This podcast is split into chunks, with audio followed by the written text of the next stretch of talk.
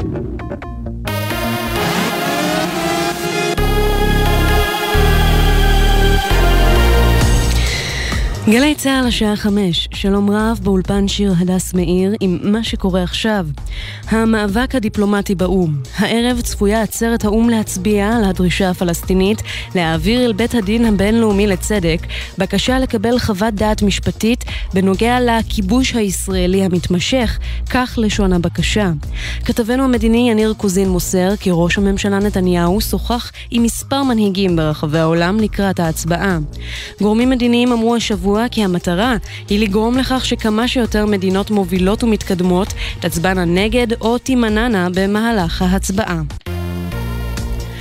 ראש הממשלה נתניהו, שר הביטחון גלנט והשר לביטחון לאומי בן גביר סיכמו העברת האחריות הביטחונית על יישובי עוטף ירושלים מצה"ל למשמר הגבול תידחה בחודש. זאת לטובת בחינה מחדש של המהלך ולאחר הערכת מצב במשטרה שבה נקבע כי טרם הועברו ממשרד הביטחון כלל האמצעים הנדרשים לקבלת האחריות. לפני שלושה שבועות פורסם בגלי צה"ל כי המהלך כרוך בקשיים וכי ביישובי עוטף ירושלים מתנגדים אליו והודיעו כי לא ישתפו פעולה עם משמר הגבול בסוג... בסוגיה. ידיעה שמסר כתבנו הצבאי דורון קדוש.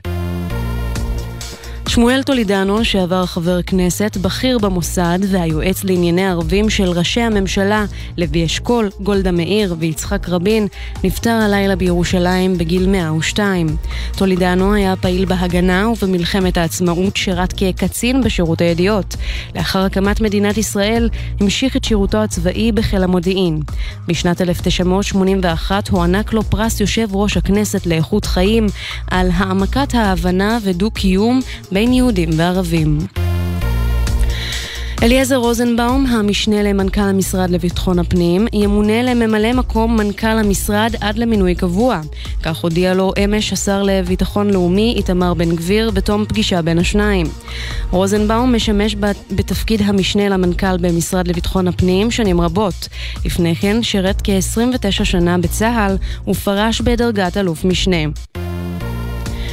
שר הבריאות הנכנס אריה דרעי הורה כי כניסת אזרחים זרים מסין לישראל תתאפשר רק בהצגת בדיקת קורונה שלילית. זאת בעקבות העלייה בתחלואה שם. עוד הורה השר החדש להחזיר לפעולה את עמדת הדיגום בנמל התעופה בן גוריון. כתבתנו לענייני בריאות טל אור מאירסון מוסיפה כי משרד הבריאות ממליץ לאזרחים ישראלים להימנע מהגעה לסין שלא לצורך חיוני. לכל מאזינינו, שבת שלום. אלה החדשות שעורכת עינב קרנר.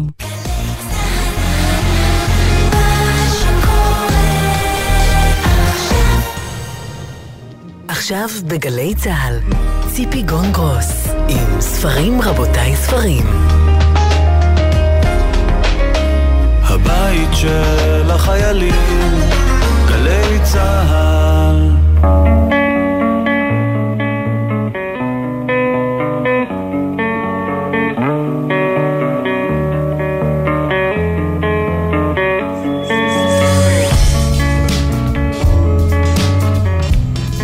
רבותיי, ספרים, סיכום שבועי, שלום לכם, תודה שאתם איתנו. סיכום שבועי בשבוע האחרון של שנת 2022. הרב חיים דרוקמן הלך לעולמו השבוע בגיל 90. חתן פרס ישראל על מפעל חיים, ראש ישיבת אור עציון ומייסדה, מי שהיה ילד בן שבע כשפרצה מלחמת העולם השנייה, הצליח להסתתר מהנאצים יחד עם המשפחה שלו, ולימים נמסר על ידי ההורים לזוג חסוך ילדים, ועלה איתם לארץ בגיל 11. וליד כל המילים האוהבות והמעריכות שנאמרו על הרב דרוקמן, כאשר כ-60 אלף איש הגיעו ללוויה שלו, חשוב גם לספר שהרב דרוקמן היה גם אבא לשולמית, אישה עם תסמונת דאון, והוא לא שקט ולא נח עד שזכה לחתן אותה לראובן בן עזרא, גם הוא אדם עם תסמונת דאון. השבוע גם פרסמה האקדמיה ללשון העברית את המילה שנבחרה כמילת השנה על ידי אלפי מצביעים. בולען היא מילת השנה, מסתבר. לאורך כל שבוע ההצבעה התחרו על המקום הראשון המילים בולען ומשילות, וכאמור המילה בולען זכתה. למקום השלישי, אגב, הגיעה המילה הזיה. ספרים, רבותיי, ספרים, אני ציפי גון גרוס, איתי המפיקות תמנה צורי ועשאל פלד, על הביצוע הטכני דניאל שבתאי, בפיקוח הטכני אילן גביש. בשעה הקרובה נדבר עם אילנה רודשבסקי על רומן הביקורים של הטסקה, נשמע מהמשוררת ענת קוריאל על ספר השירים החדש שלה. את נמצאת, אני מרגישה. נשוחח עם יונתן שגיב על הממואר שלו. יש אנשים שמדברים ככה, ויחד עם נטע גורביץ' נסכם את שנת הספרות 2022. סופי ומקס הם זוג צעיר שעולה לישראל ממוסקבה בשנות ה-70. אלקה היא הבת שלהם. הספר טסקה של אילנה רודשבסקי נפתח בכך שאלקה, הבת של סופי ומקס, בדרכה לראיון עבודה. מהדרך היא מדברת עם סופי. כשאלקה התחילה את העבודה החדשה שלה, סופי כבר מלאה בסרטן, וכמה חודשים לאחר מכן היא מתה. אלקה ובעלה שיפצו את הדירה שלהם בירושלים אז, וגרו בדירה זמנית. ומרכיב הזמניות חוזר שוב ושוב בספר. כל הדירות זמניות, גם הכלב היה זמני, גם סופי ומקס היו זמניים.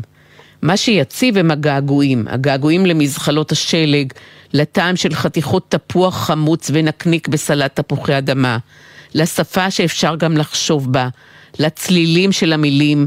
שלום אילנה רודשבסקי. שלום. מה זה טסקה?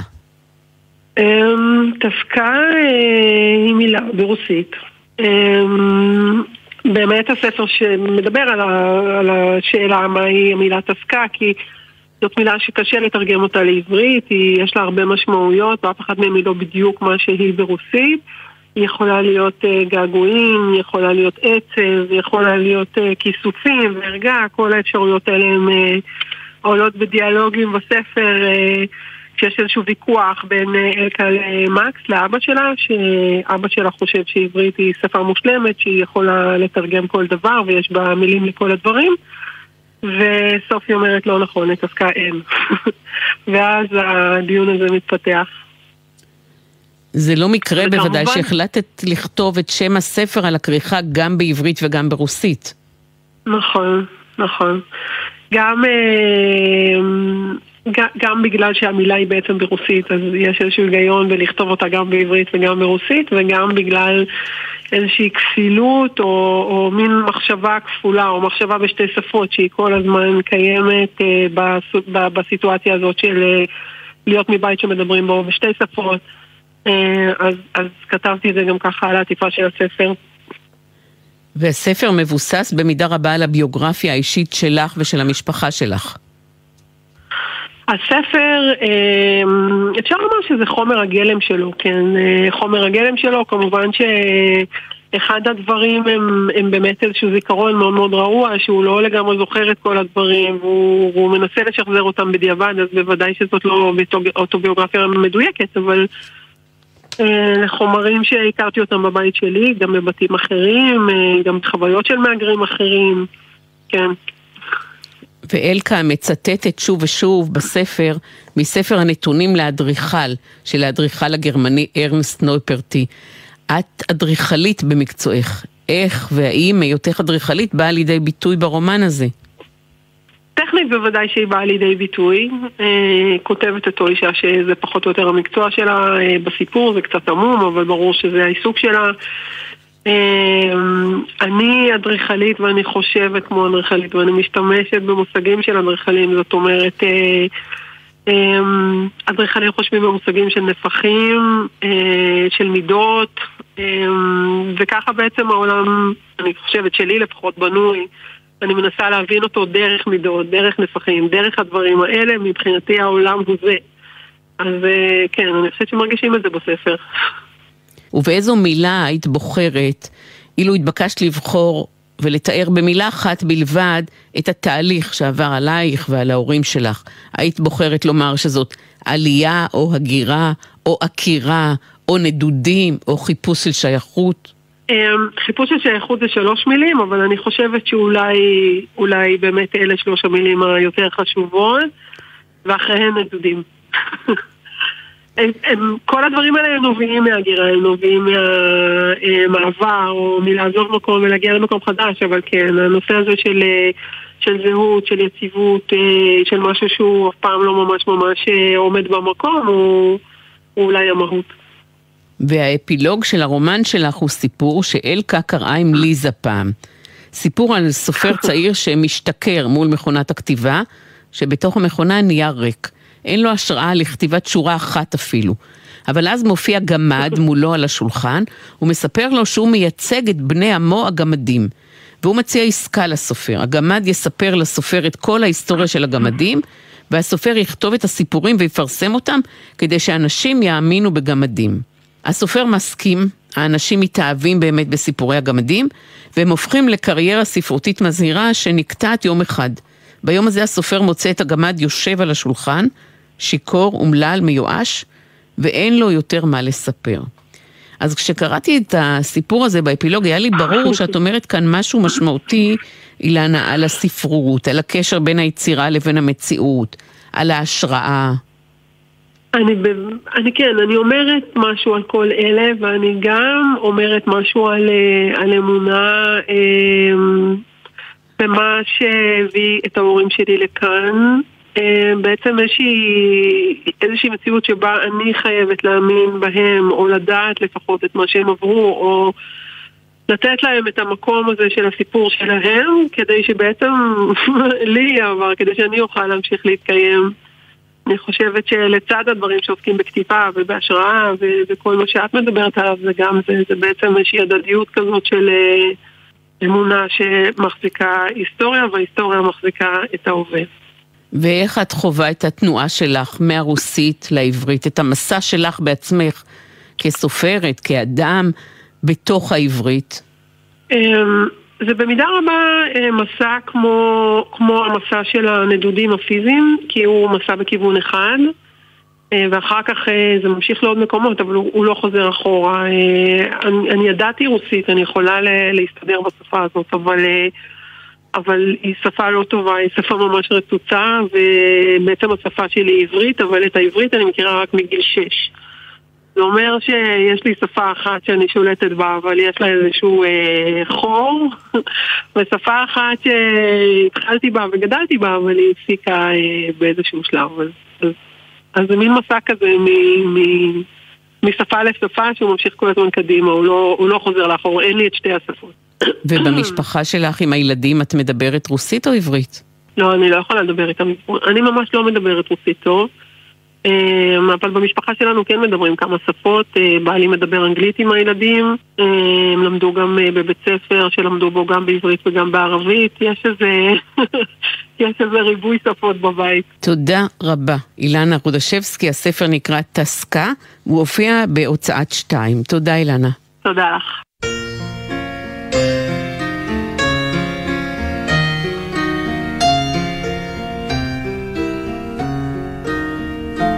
יש אנשים שמדברים ככה, הוא הממואר שכתב יונתן שגיב. ספר צנום שהופיע בהוצאת כתר. הקול והיעדר הקול, ההיעלמות שלו, קול בקוף, כן? הוא הסיפור שמוביל את הספר. הנה המילים שפותחות את הספר. לפני שלוש שנים הקול שלי אבד. זה היה מוקדם בבוקר, במחסן הלבן בחצר של הוריי, שאותו הפכו לחדר מגורים קטן. הצד של רביד במיטה היה כבר ריק. הוא ישב על הספה הקטנה שעמדה סמוך למיטה, שערו סתור, עיניו הכחולות מביטות על העצים הדקים שמסגרו את החלון המרובע. כחכחתי בגרון והזדקפתי במיטה. רציתי לומר לו בוקר טוב ולשאול איך הוא ישן. רציתי לומר כמה מוזר להתעורר בבית שבו גדלתי, בתוך חדר שמעולם לא היה קיים. רציתי לומר, fuck, עוד מעט אנחנו חוזרים ללונדון ועכשיו צריך שוב להיפרד מכולם. רציתי לומר הרבה דברים, אבל שום קול לא יצא. הקול הוא גם הליקוי בדיבור שהיה לו עד גיל תשע. את השין הוא ביטא באופן שורקני. הקול הוא גם הנסיך אלברט שהולך לנאום בפרלמנט וזוכה להשפלה ציבורית בגלל הגמגום שלו שמעוות את פניו ומסרס את דיבורו. הקול הוא גם המוטו של הספר. אבל אם תיקח ממני את הקול שלי, מה יישאר לי, אומרת בת הים הקטנה, כפי שכתב הנס קריסטיאן אנדרסן. הקול והיעדר הקול ערו גם בתוך הנושא של זהות מינית. איכס, אל תעשה כזה דבר, אתה לא בת, נוזפת בו דנה כשהוא מחקה את הבנות וגונח לתוך האינטרקום, וחבורת נערים על הטיילת מתפקעת מצחוק, מתיחה אגרוף בפרצופו, הרי שהוא עונה להם ואומר מה השעה. והקול של יונתן נדם לראשונה בתקופה שבה הקול של הבנים מתעבה ושל הבנות מצטלל. יש אנשים שמדברים ככה, הוא הספר. שלום יונתן שגיב. שלום ציפי, אגב קול, אני יכול להקשיב לך מדברת שעות וגם מקריאה, הקול שלך כל כך יפה. תודה רבה לך, תודה, תודה. אתה מצטט בספר את סוקרטס, דבר על מנת שאוכל לראות את פניך. ואולי אובדן הקול הוא גם מטאפורה בעצם. מטאפורה למה?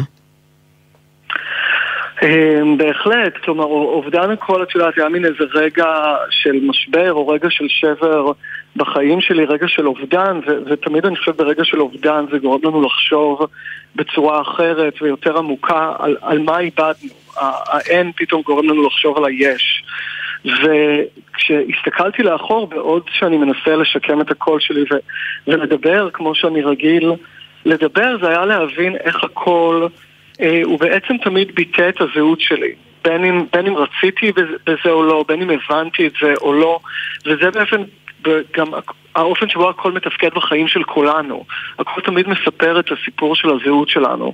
אה, גברים, נשים, מהגרים שמדברים במבטא וכן הלאה. והכל, אנחנו אולי אף פעם לא חושבים עליו, למרות שאנחנו משתמשים בו כל כך הרבה, או חושבים עליו בתור איזה אמצעי תקשורת, או אמצעי להעברת תוכן נורא נורא ניטרלי, או משהו טבעי שפשוט נובע מהגוף, אבל הכל תמיד גם הרוג באמת בציפיות של החברה. איך שאנחנו אמורים לדבר, איך הקול שלנו אמור להתאים לקטגוריות כמו גבר או אישה, ו- ומה קורה, זה, זה רגע מאוד טעון ונפיץ אם אנחנו לא מדברים בעצם לציפיות האלה. אז uh, הספר בעצם באמת מדבר על, ה- על האופן שבו הקול הוא, הוא צומת של הממדים הנפשיים שלנו, הפיזיים, הביוגרפיים, ההיסטוריים, התרבותיים. בלונדון יונתן מגיע אל רופאה מצרית בשם רחב עווד. הוא כבר יכול לדבר בקול הרגיל שלו, אבל אחרי כמה דקות של השיחה הגרון שלו הופך ניחר והדיבור מלווה בכאב, כאב יומיומי שחורך אותו מבפנים. והיא אומרת לו, הכאב שהדיבור מסב לך לאחרונה נובע בעצם מאותה תקופה בגיל 12 שבה איבדת לראשונה את הקול שלך. מהתקופה שבה סירבת להתחיל לדבר כמו שגבר אמור לדבר. אז מה קורה בתהליך הזה של יונתן מול המטפלת רחב? אמ, תראי, זה היה באמת הרגע שנורא אמ, פוצץ לי את התודעה או את ההבנה וגרם לי לחשוב אה, מחדש על הכל. כי מצד אחד יש את ההסבר שרחב נותנת לי, שהיא אומרת, אתה...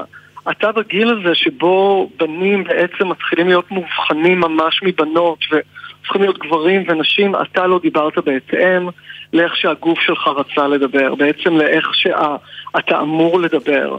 אבל אני לאורך כל השנים, את יודעת שבהם הייתי, התודעה שלי התעצבה אה, כהומו, שתמיד אמרו לו שאולי זה לא טבעי מה שהוא חש, או לא טבעי מה שהוא מרגיש, והייתי צריך לחנך את עצמי ולחשוב בעצם על הקשר הזה שאנחנו חושבים עליו כל כך בקלות בין טבע לתרבות ושהטבע הוא נצחי ומהותי, האופן שבו אני כבר גדלתי והתעצבתי היה לחשוב שהקשר הזה הוא לא כל כך קל ואנחנו צריכים לחשוב על קטגוריות כמו גבר ואישה בתור קטגוריות תרבותיות שאנחנו מעצבים באמצעות השפה שלנו, באמצעות התודעה, באמצעות התרבות. ופתאום כביכול היא אומרת לי והגוף שלי אומר לי לא, זה לא נכון. אבל הספר שלי הוא בעצם ניסיון קצת לחשוב דרך הטיעון של, של רחב וגם להציע לו עוד אלטרנטיבות, כי אני חושב ששוב, אנחנו נולדים לתוך חברה מסוימת והיא שופטת אותנו ונותנת לנו ערך מסוים, וכשאני מ...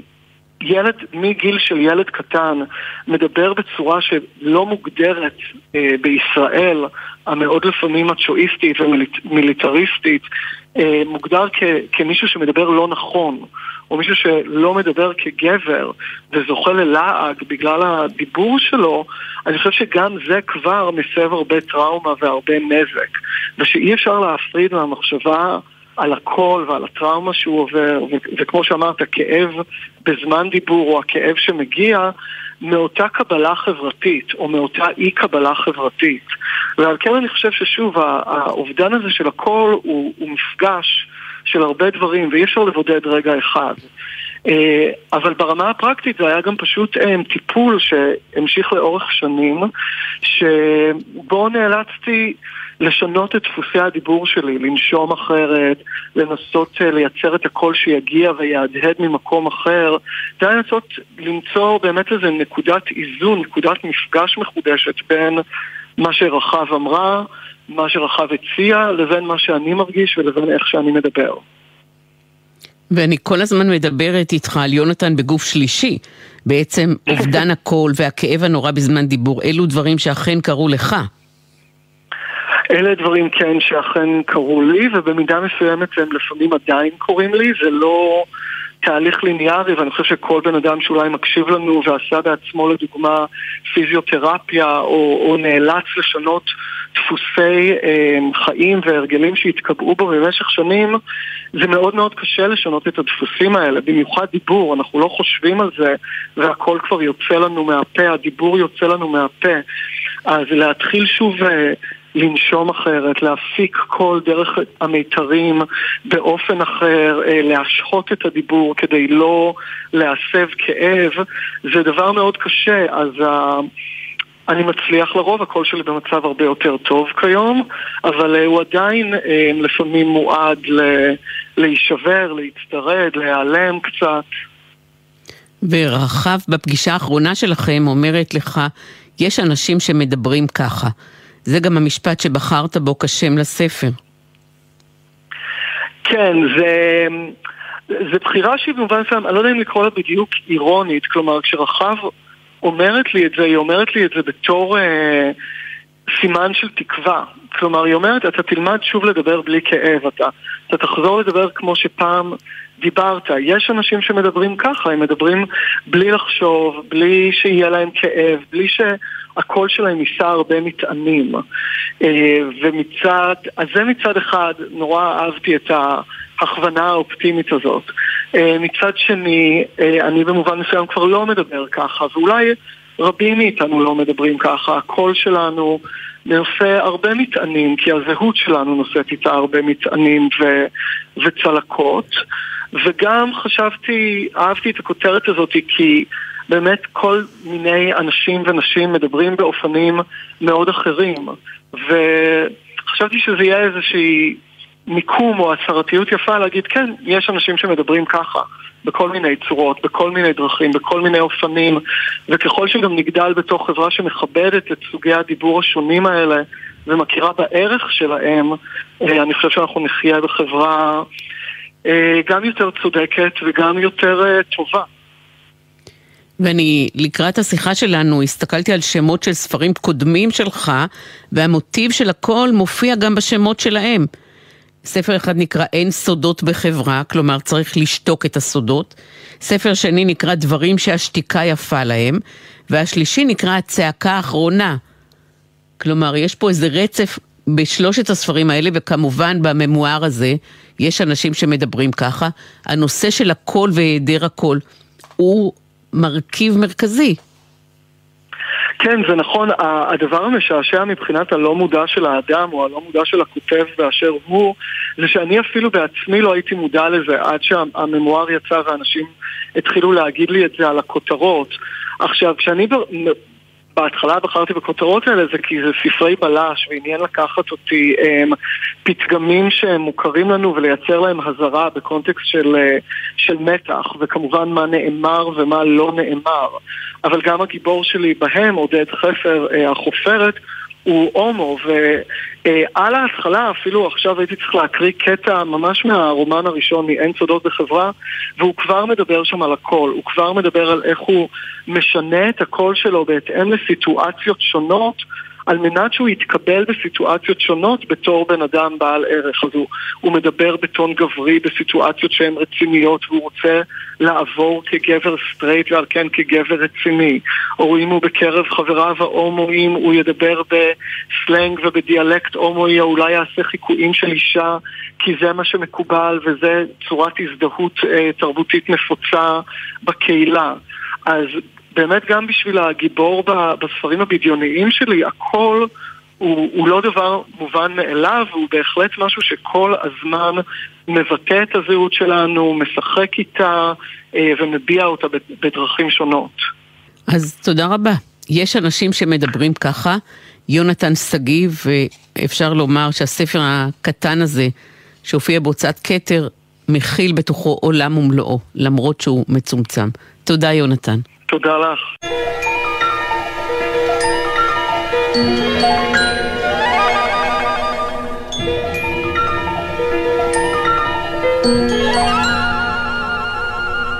את נמצאת, אני מרגישה, הוא ספר שירים חדש שהופיע עכשיו בהוצאת הקיבוץ המאוחד.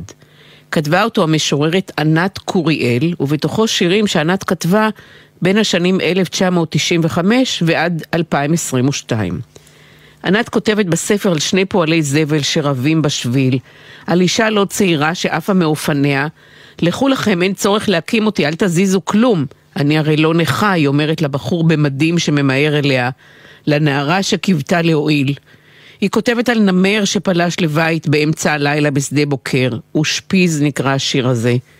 יש בספרה של ענת שיר על הקלמנטינה, שריחה נשאר באצבעות ימים רבים. שיר על עץ החיים, שכאן כדי להישען עליו בשעת הצורך. שיר שנקרא האילמת, על חוסר הסבלנות לחכות שתוציא כבר משפט.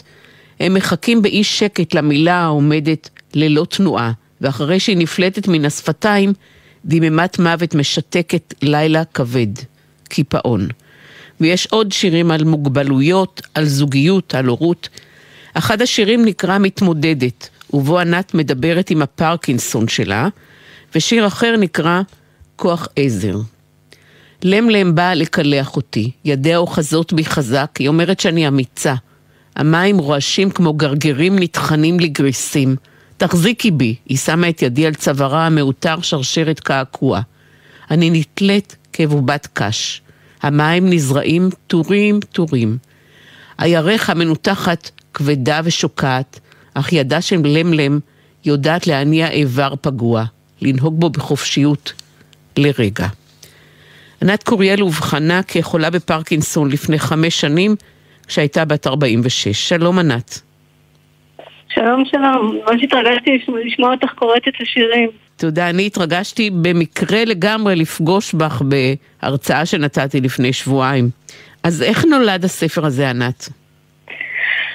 הוא לא נולד כספר, למעשה התחלתי לכתוב אותו ב-95, והשירים הצטברו, ויום אחד מנחם שאל, אמר לי, פשוט הודיע לי שהגיע הזמן להוציא ספר. אנחנו בקשר הרבה שנים. אני כתבתי ופרסמתי בכתבי עת ובעיתונים, ופתאום נהיו לי הרבה. ואז אה, באמת חשבתי שאולי מנחם צודק והגיע הזמן להוציא את זה בספר. אני לא חשבתי ככה מראש, כשכתבתי את השיר, השירים הראשונים לא חשבתי שזה יהיה אי פעם ספר. וגם היום נראה לי כמו נס גדול. ועל מה היו השירים הראשונים? השירים הראשונים היו על אובדן אח. אה, בשנת 95 אחי שם קץ לחייו. ואני מצאתי אותו מתבסס בדמו. הייתי באותו יום באוניברסיטה, סיימתי, צלצלתי והוא הרים לי את הטלפון ואמרתי שאני רעבה והוא אמר שהוא יכין לי שניצל ושאני אבוא לאכול איתו. הוא גר אז אצל ההורים, הוא היה בדיכאון, לא תפקד, אה, ולכן הוא, היה אז בתקופה ההיא אצל הוריי. באתי הביתה וישבנו ואכלנו ודיברנו, אני זוכרת כל פרט ופרט כאילו זה היה אתמול. דיברנו על סרט שהוא ראה שהוא לא אהב כי הייתה בו אלימות. אני חושבת שזה היה לב אמיץ. אחר כך הוא עלה למעלה, ואני סידרתי את הכלים במטבח, ושמעתי ירייה. זה נשמע לי בהתחלה כמו כיסא שנפל, ואז אמרתי שזה לא כיסא, ככה לא נשמע כיסא שנופל.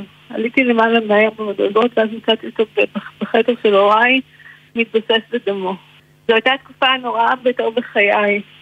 כי אה, אה, אה, בעצם הייתי פוסט טראומה קשה ולא, ולא הייתי מטופרת. ולא ידעתי מה לעשות עם כל הכאב וכל האימה ולאן לתעל אותו. ולמעשה היום אני, חוש... אני חושבת על האירוע הזה כעל משהו שדומה להלם קרב. ככה, ככה הרגשתי הרבה שנים. והתחלתי לכתוב כדי להקל על עצמי, כדי לפרוק. כתבתי מילה שהצטרפה למשפט, ופתאום נהיה שיר. באותה תקופה גיליתי שאני יודעת לכתוב שיר. וככה התחילה הכתיבה שלי. את מוכנה, ענת, לקרוא שיר שמתייחס לאח שלך, או למותו, להיעדרו? כן. לימים שלפני צלצול אזהרה. הטלפון מצלצל, אף אחד לא מדבר איתי. השקט מזכיר לי שאתה עלול לבוא. בינתיים אני מסתכלת בחלונות המרושתים, תולעים קיציות נתלות עליהם. רק בפנים צלול, מטהרי אוויר מבשמים את הקירות בריח מנדרינה וסחלב. יש אנשים שמצלצלים ולא מדברים. לפעמים הם נמצאים במקום סכנה. עד שהכל מגיע, אני מנתקת. כמה זמן עוד יקרצפו את החלונות כשהרשת מתנדנדת מרוב תולעים? אין לך מה לעשות איתן. אם תסלקי אותן, הן יסחלו בחזרה. לפעמים כשהטלפון מצלצל ונדמה לך שאף אחד לא מחפש אותך, זה סימן. למעשה זה התחושה הזו שלא ראיתי ולא רציתי לראות ולא הייתי מספיק קשובה ויכולתי למנוע את זה וכל ה... כל רגשות האשם הידועים במקרים מהסוג הזה. ואיך העובדה, ענת, שאת חולה בפרקינסון משפיעה על השירה שלך? אתמול אמרה לי חברה משהו מעניין. היא אמרה לי שהשירים המוקדמים שלי יש להם קצב יותר קליל, לעומת השירים המאוחרים שלי שיש להם קצב יותר כבד, יותר ערכני. וזה נכון, והתחלתי לחשוב שאולי זה קשור לפרקינסון, שנהייתי מין סלואו מושן כזה בכתיבה. זו הייתה הבחנה שלה, ואני חושבת שאני אקבל אותה, כי, כי באמת אה, השירים פחות כלילים, פחות אה, מתנגנים. יש להם מנגינה, אבל אחרת. ואולי זה קשור לאיטיות של הפרקינסון, לדיליי של המחלה הזו, לאיטיות. ויש לך גם סדרת סיפורים, לא בספר הזה כמובן, סדרת סיפורים שנקראת גברת פרקינסון. נכון, נכון, זה נמצא בליריקה, באתר שהקמתי לפני, ב-2013.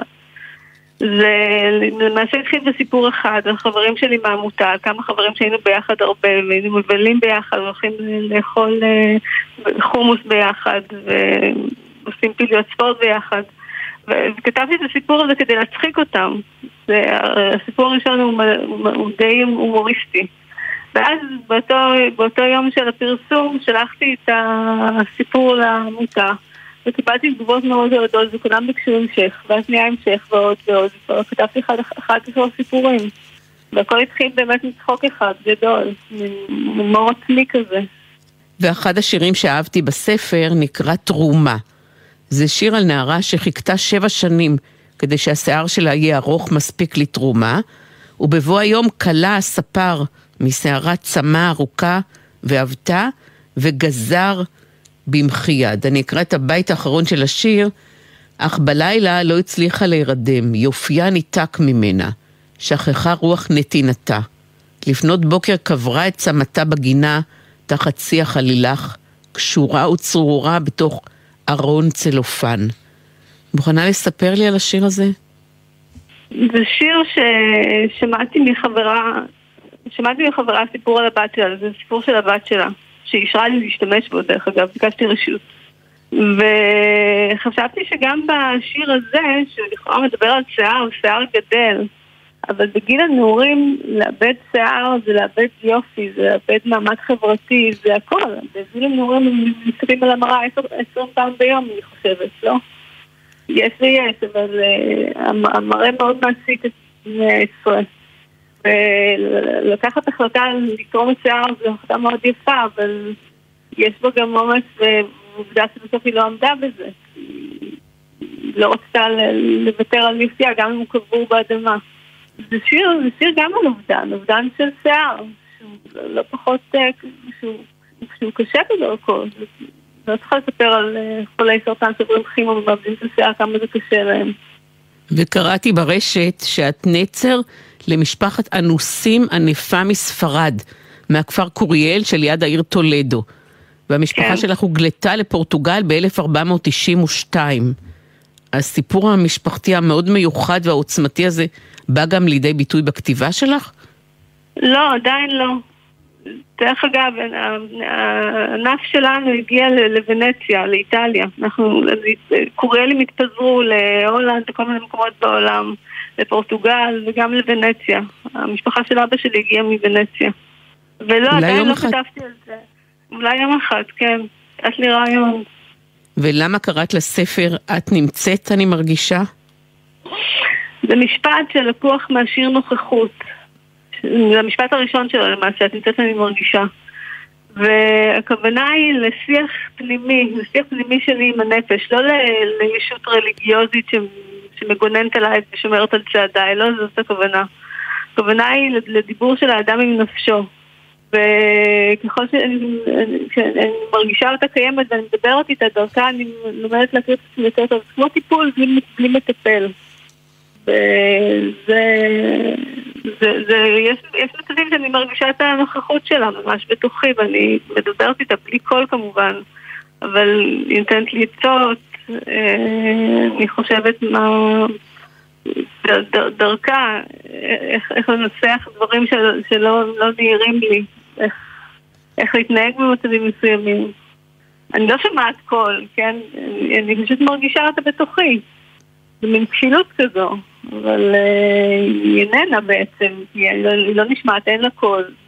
זה רק uh, נמצאת, אני יכולה לקחת את זה בחשבון. ואני יכולה להגיד שהספר גם מאוד מאוד יפה בעיניי, אבל גם הכריכה שיש בה חבלים אה, שמפותלים ו- ו- וכרוכים בעצם מבטאת את הפרקינסון ש- שכובל אותך, ואת החופש שאת מצליחה למצוא מתוך הפרקינסון לכתוב שירים. תודה רבה, ענת קוריאל. הספר הזה הופיע בהוצאת הקיבוץ המאוחד. תודה לך. הצילום של אה, בן זוגי לחיים, גיא חצרוני, הוא צילם את זה ואני מאוד אוהבת אותו והפרשנות שנתת לזה מאוד יפה בעיניי, אני אגיד לו. תודה ענת. תודה רבה.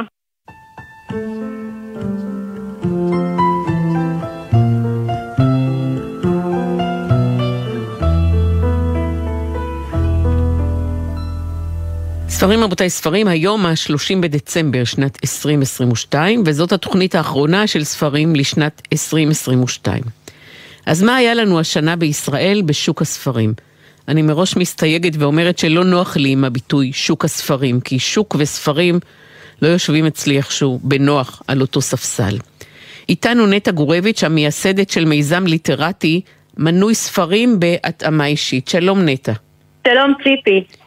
איך את רואה את שוק הספרים בישראל כרגע? Uh, אני מאוד מזדהה עם uh, דברי הפתיחה שלך. Uh, בתום השנה הזאת אני מרגישה שחלה עוד, חל עוד צעד בעצם בהתנתקות של הספרות ממה שאנחנו מכנים שוק הספרים. זאת אומרת, זאת הייתה שנה שיצאו לאור במהלכה ספרים נהדרים של כותבים מוכשרים גם במקור וגם בתרגום. אה, אבל הם טבעו בתוך מבול אה, של ספרות בינונית וספרות ממומנת אה, שיוצאת לאור בחסות השוק הזה, שוק הספרים, שלמי שלא מצוי במאחורי הקלעים שלו נמצא מזה כעשור במאבק איתנים בין ההוצאות הגדולות לבין, בינן לבין עצמן לבין רשויות, אה, אה, חנויות, חנויות הספרים, רשתות השיווק הגדולות. מאבק שיש לו הרבה קשר לשורת הרווח אבל אין לו בכלל קשר לספרות. וקהל היעד שלו הוא לא הקוראים ו- והדבר הזה בא לידי ביטוי בסופו של דבר, למרבה הצער, בספרים שנמכרים אה, לקהל, שמעוניין בסופו של דבר לקרוא ספרות בעלת ערך, ספרות משמעותית, אה, אבל בבואו באמת לפגוש את הספרות הזאת נאלץ לעבור דרך משוכות של ספרים ש... אה, המקור שלהם הוא בכלל, ההחלטה להוציא אותם לאור היא בכלל לא החלטה שנלקחה במישור האדיטוריאלי, זאת אומרת במישור העריכתי, אלא במישור השיווקי. אמ, ואז, והשנה הזאת הדבר הזה היה מאוד מאוד בולט, זאת הייתה שנת היציאה מהקורונה, יצאו לאור המון המון ספרים אה, לשוק שלא יכול להכיל אותם. אמ, והדבר המצער הוא שהספרים הראויים, ספרים שבאמת הקריאה בהם היא, היא מרוממת ומעשירה, לא מצליחים לפגוש את, ה, את קהל הקוראים שלהם שמחפש אותם. בעצם את אומרת, אם לפרוט את זה לאמירה יותר קונקרטית, הופיעו השנה בין 5,000 ל-6,000 ספרים, וחלק ניכר מהם האדם שכתב את הספר שילם להוצאה לאור כדי להוציא את הספר. נכון, אז אחד הסממנים של, של, של עומק המחלה של, של שוק הספרים אה, הוא שבעצם הוא פועל בהיגיון של שוק הפוך. למה הדבר דומה? אה, הדבר דומה נניח אה, למסעדות שבהן הטבח הוא זה שישלם למסעדה אה, כדי לבשל בה ולהגיש את האוכל שלו לסועדים. זה הדבר שקורה היום בפועל בחלק גדול מההוצאות לאור הגדולות בארץ, אה, שלא מצליחות להחזיק את עצמן אה, כלכלית בגלל, בזכות הספרים שנקנים ולכן הן גובות כסף אה, מאנשים שמעוניינים להוציא את הספרים שלהם לאור שהספרים האלה אה, בחלק גדול מהמקרים לא, לא, לא היו עומדים בלקטורה של מערכת ספרותית. אז השוק הזה הוא גם עובר תהליך ש, שהולך ומסלים של התפרקות משומרי הסף שלו. זאת אומרת, מקבלי ההחלטות בהוצאות הספרים. הם היום לא אנשי מערכת, לא עורכים ראשיים, אלא אנשי שיווק או אה, אה, מי מטעמם שבעצם מוציא לאור ספרים שכאמור ספר זה כל אדם שיכול לשבת מול מעבד תמלילים ולכתוב 60 אלף מילה ברצף אז זה לכאורה כתב יד שהוא ראוי אה, לצאת לאור, ובמימון המחבר אה, הספרים האלה רואים אור. עכשיו, בשוקי תוכן אחרים, כמו בעיתונות או בטלוויזיה, הדבר נקרא תוכן ממומן, ויש חובת גילוי נאות אה, אה, לידע את הציבור שהוא צורך תוכן ממומן. הדבר הזה לא קורה בשוק הספרים. עכשיו, חייבים גם להחריג, א', זה לא קורה בכל הוצאות הספרים. וב' יש גם היום באמת בניסיון אה, אה, אה, לייצר ספרות איכותית, יש גם היום מודלים שבהם הסופרים משלמים עבור ההוצאה לאור, אבל כן יש מערכת. זאת אומרת, קשה מאוד מאוד למי שלא ממש נמצא בתוך השוק ומכיר את המהלכים, קשה מאוד היום לדעת מהו ספר. והיום יש המון המון אה, אה, יצורי כלאיים כאלה שנראים כמו ספרים אה, אבל הם לא עומדים במבחן, ה, אה, במבחן הספרותי של היותם בעלי ערך אה, או אמירה תרבותית אה, עבור הקוראים שלהם. וזה אחד הדברים שקורים כשמכפיפים את תעשייה שהעיסוק שלה הוא תרבותי, שהאג'נדה שלה צריכה להיות תרבותית, ומכפיפים אותה באופן בלעדי לדבר הזה שנקרא אה, חוקי השוק החופשי. אז כמו שלא עושים את זה, עכשיו, שוק החופשי הוא עובד נהדר, אבל יש אזורים שאנחנו יודעים שהוא לא עובד בהם. למשל, הוא לא עובד באזורים של זכויות סוציאליות, או באזור, באזורים של זכויות אדם. אז, אז שם יש אה, אה, איזה שהם אה, איזונים ובלמים שנכנסים כדי, כדי לאפשר לאג'נדות שהן לא רק אג'נדות של שורת רווח להתקיים, כמו שקורה למשל במדינות הקונטיננט, בצרפת וכולי. אה, בארץ הדבר הזה לא קיים, ומה שקורה בפועל זה שהתעשייה הזאת היא באופן מתמשך ועקבי ממש גודעת את הענף שעליו היא יושבת. אה, כי היא מייצרת אה, מוצרים שבסופו של דבר נצרכים על ידי קהל הקוראים ולא מספקים את החוויה שאומנות נרטיבית אמורה לספק לקורא, שעבורה הוא משלם, ומה שיותר גרוע זה שבה הוא משקיע את מיטב שעותיו, והזמן הוא הרי המשאב היקר ביותר שיש לנו. אז בגדול אלה המהלכים היום שמגדירים את, את שוק הספרים הישראלי. אמ, ולצד הדבר הזה אה, ראיתי, ראינו השנה אה, גם יוזמות חדשות וגם התחזקות של יוזמות קיימות מהשוליים שכן מנסות אה, לפעול למען הספרות ולמען הקוראים. למשל? שזה, למשל הוצאות פרטיות. עכשיו, אנחנו קוראים לזה הוצאות פרטיות וזה מצחיק, זה בעצם מה שמייחד את ההוצאות האלה זה שבראשם עומדים אורחים. אוקיי? אז, אז אם נחשוב היום על ההוצאות הגדולות שמוציאות הרבה מאוד ספרים ממומנים, אז הן בעצם יותר מתפקדות כמו בתי דפוס עם סטמפה של הוצאה לאור. ההוצאות הפרטיות שהן בעצם ההוצאות, כי הן מנוהלות לפי, אה, לפי איזשהו חזון אה, מערכתי, אה, הולכות ומתחזקות, אני מדברת על הוצאות למשל כמו לוקוס, אה, אפרסמון, אה, תשע נשמות, אה, הוצאת שתיים שקמה אה, לדעתי בשנה שעברה אבל מאוד התחזקה השנה ושהיא ללא ספק אה, מבחינתי היא הוצאת השנה כי היא עושה עבודה נהדרת של, של להביא קולות מובחנים וספרים אה, ערוך, ערוכים כהלכה אז היו, היו, יש את ההוצאות האלה שמתחזקות וגם הולכות ושוברות אה, אה, את הקשרים שלהן עם, עם המנגנונים של התעשייה הישנה, עם מנגנוני ההפצה, מנגנוני המכירה, ומוצאות כל מיני דרכים אה, עקיפות אל לב הקורא. אני מדברת למשל על החנות של, אה, שנפתחה בתל אביב שנקראת רידינג באלנבי שהיא חנות שנמצאת בבעלותן של הוצאות שכאלה ומוכרת ספרות שכזו ובין היתר זה גם מה שאנחנו מנסים לעשות בליטרטי, שהוא מציע מודל אחר של קריאה שמבוסס באמת על אוצרות ועל התאמה פרסונלית של ספרים. כדי לעזור לאנשים שכן רוצים לקרוא, להתגבר על כל המעקשים שהם צריכים לעבור בבואם אה, לקרוא ספר טוב. אז מיד אה, נדבר נטע ליטרטי, אבל לפני כן אי אפשר לדבר על שוק הספרים בלי להזכיר את המאבק שמתנהל כבר כמה חודשים בעוצמות ובדרכים שלא הכרנו עד עכשיו, המאבק בין סטימצקי לבין הוצאות כתר ומודן.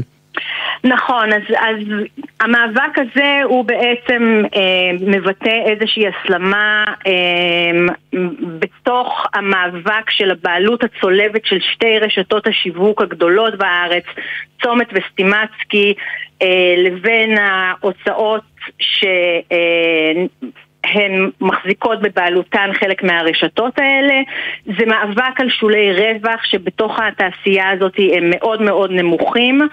אה, אבל בפועל מה, ש, מה, שקור, מה שהמאבק הזה מייצר הוא בעצם שבששת החודשים האחרונים ספרי מודן וכתר, שתי הוצאות משמעותיות שמוציאות לאור חלק מהסופרים הבולטים אה, גם במקור וגם בתרגום הם בעצם לא נמצאים בחנויות של, אה, של רשתות, בחנויות של אה, הספרים של רשת סטימצקי.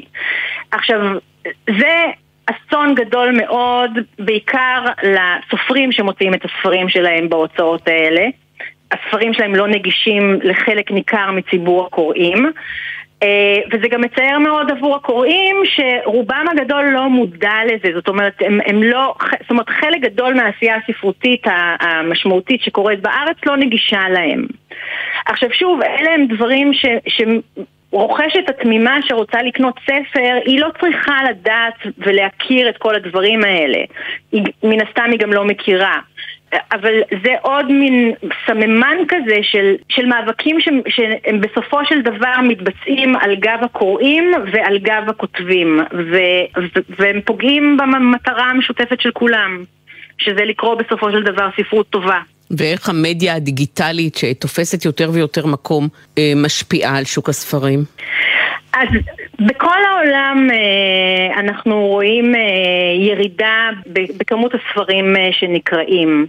זה, בארץ זה מאוד מאוד ניכר, זאת אומרת אם נניח רב מכר גדול לפני עשור יכול היה למכור מאה אלף עותקים היום רבי המכר הגדולים מוכרים 20 אלף עותקים, זאת אומרת יש ממש ממש יריד, ירידה בכמות הספרים שנקראים.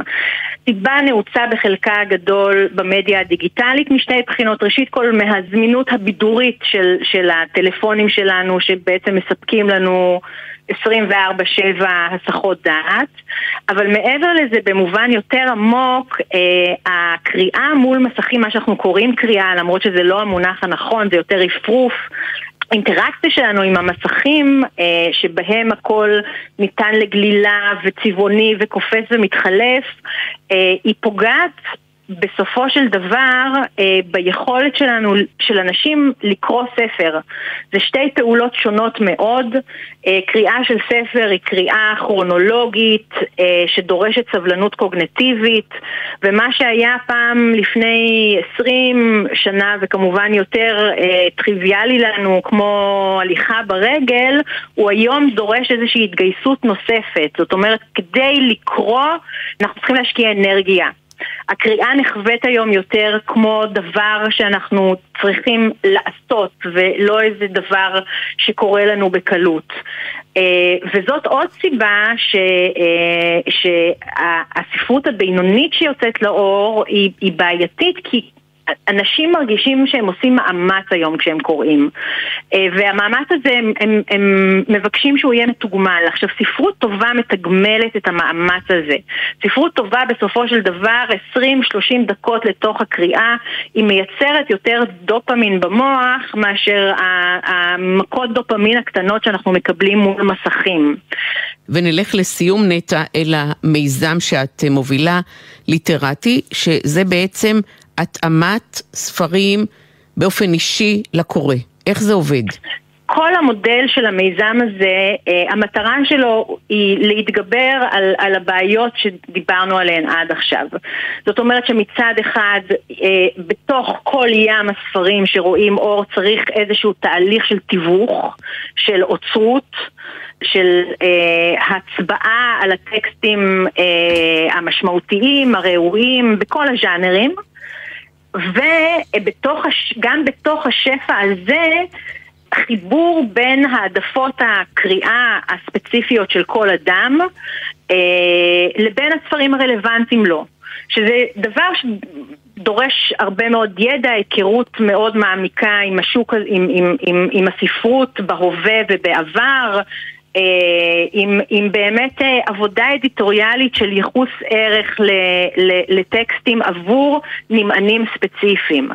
אז, אז המיזם שלנו הוא בעצם, אני עצמי באה אה, מקריירה מאוד ממושכת בתחום ההוצאה לאור ואחר כך קריירה נוספת בתחום בהייטק והמיזם בעצם מבוסס על כלים טכנולוגיים שלמשל של פרסונליזציה אה, באופן כזה שכל מי שמצטרף לשירות שלנו, אה, דרך האתר שלנו, אה, עובר מין תהליך כזה שבו הוא בעצם מאפשר לנו להבין את העדפות הקריאה המפורשות והמשתמעות שלו, ואחר כך מקבל מאיתנו מדי חודש ספר שנבחר עבורו או עבורה לגמרי לפי מסע הקריאה אה, שלו או שלה. ו, אה, והדבר הזה קורה חודש בחודשו, זאת אומרת כל חודש אנחנו שולחים ספר וההמשכיות הזאת גם מאפשרת לאנשים אה, שרבים מהם כותבים לנו על הרצון שלהם לחזור לקרוא כמו פעם, אז הוא מאפשר לאנשים לסגל את הקריאה בחזרה כחלק משגרת החיים שלהם, זאת אומרת לאמן שוב את השריר של הקריאה ולהכניס את הספרות בחזרה לעולמם. ומה הספר הכי טוב בעינייך שהופיע בשנת 2022, נטע גורביץ'? אז אני, אה, אז דיברתי על הוצאת שתיים, אה, אני רוצה לציין גם לפני, ש, לפני הספר, אני רוצה לציין אה, גם את מוסף הספרים של ידיעות אחרונות בעריכת אלעד ורת, בהקשר הזה של שומרות סף, הם עושים עבודה נהדרת. אה, ומעמיקה של, של תיווך ושל הנגשת תכנים ספרותיים אה, לקהל. אה, ספר השנה שלי הוא ספר שאני מניחה שלא רבים נתקלו בו כי גם הוא לא נמכר ברשתות השיווק, זה חומר החיים של יצחק לבני. אמ, ספר שראה אור בהוצאה פרטית והוא באמת אה, ניצב ברמה משל עצמו כיצירה ספרותית אה, באמת מסדר גודל שלא, אה, שלא פוגשים הרבה. אז זה לגמרי ספר השנה שלי, זה ספר, זה ספר של לחיים שלמים. אמ, אבל כל מי, ש, כל מי שאוהב ספרות אני חושבת שהוא יחווה איתו חוויה מאוד מאוד משמעותית ויוצאת דופן. לא נותר לי אלא להסכים איתך, גם אני אוהבת את הספר הזה וגם אני תמיד שמחה לפרגן ליצחק לבני. תודה רבה, נטע גורביץ'. תודה רבה, ציפי.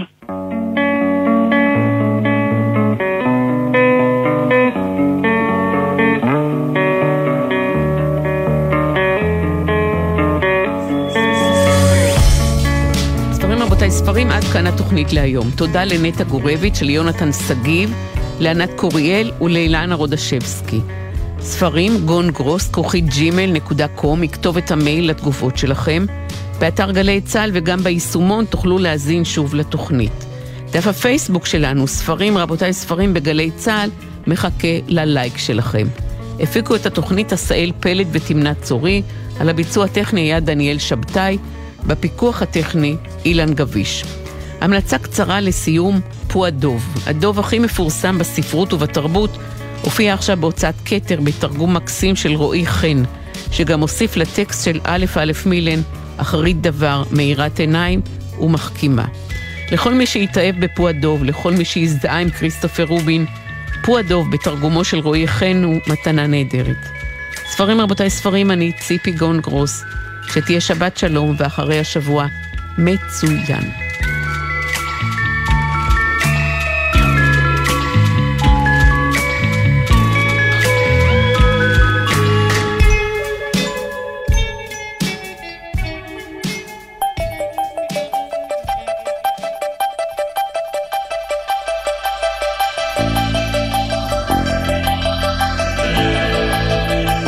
את הסיפור הזה מתחילים מהסוף.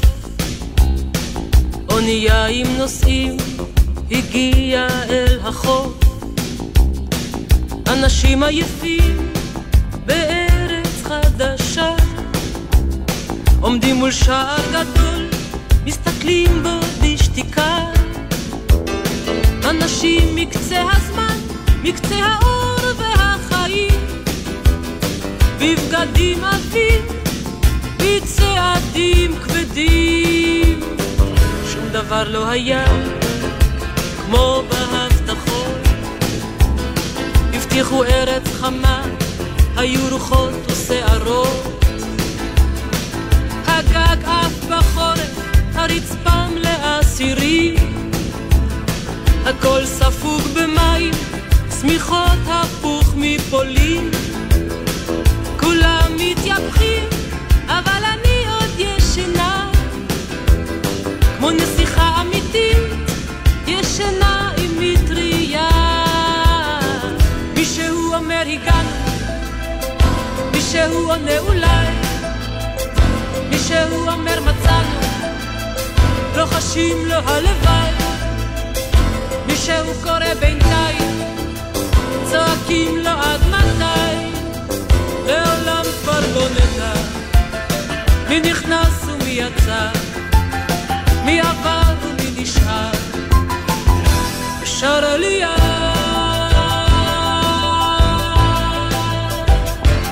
שר עלייה. כל ציון לגולה, כל שעה שפה אחרת, הרדיו מנגן. מה נשמע, נשמע סוף השבוע,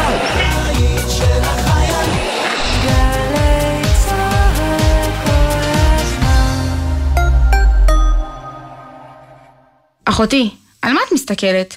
שימי לב לכביש. כאן רבת קריסטינה וידצקה, שוטרת צבאית מהיחידה המרכזית לפיקוח תעבורה. אני יודעת שיש לך הרבה להספיק, כי יצאת הביתה רק לכמה ימים. אבל בחייך, כשאת על הכביש, שימי את הטלפון בצד והתרכזי בנהיגה. אין הודעה חשובה מספיק ששווה את החיים שלך. את הווייז אפילו לפני הנסיעה, ואל תתני לשום דבר להסיט את העיניים שלך מהכביש. כי בשנייה אחת אפשר לאבד שליטה על הרכב ולהיפגע. אני סומכת עלייך אחותי. גם אני מחויבת לאנשים שבדרך עם הרלב"ד.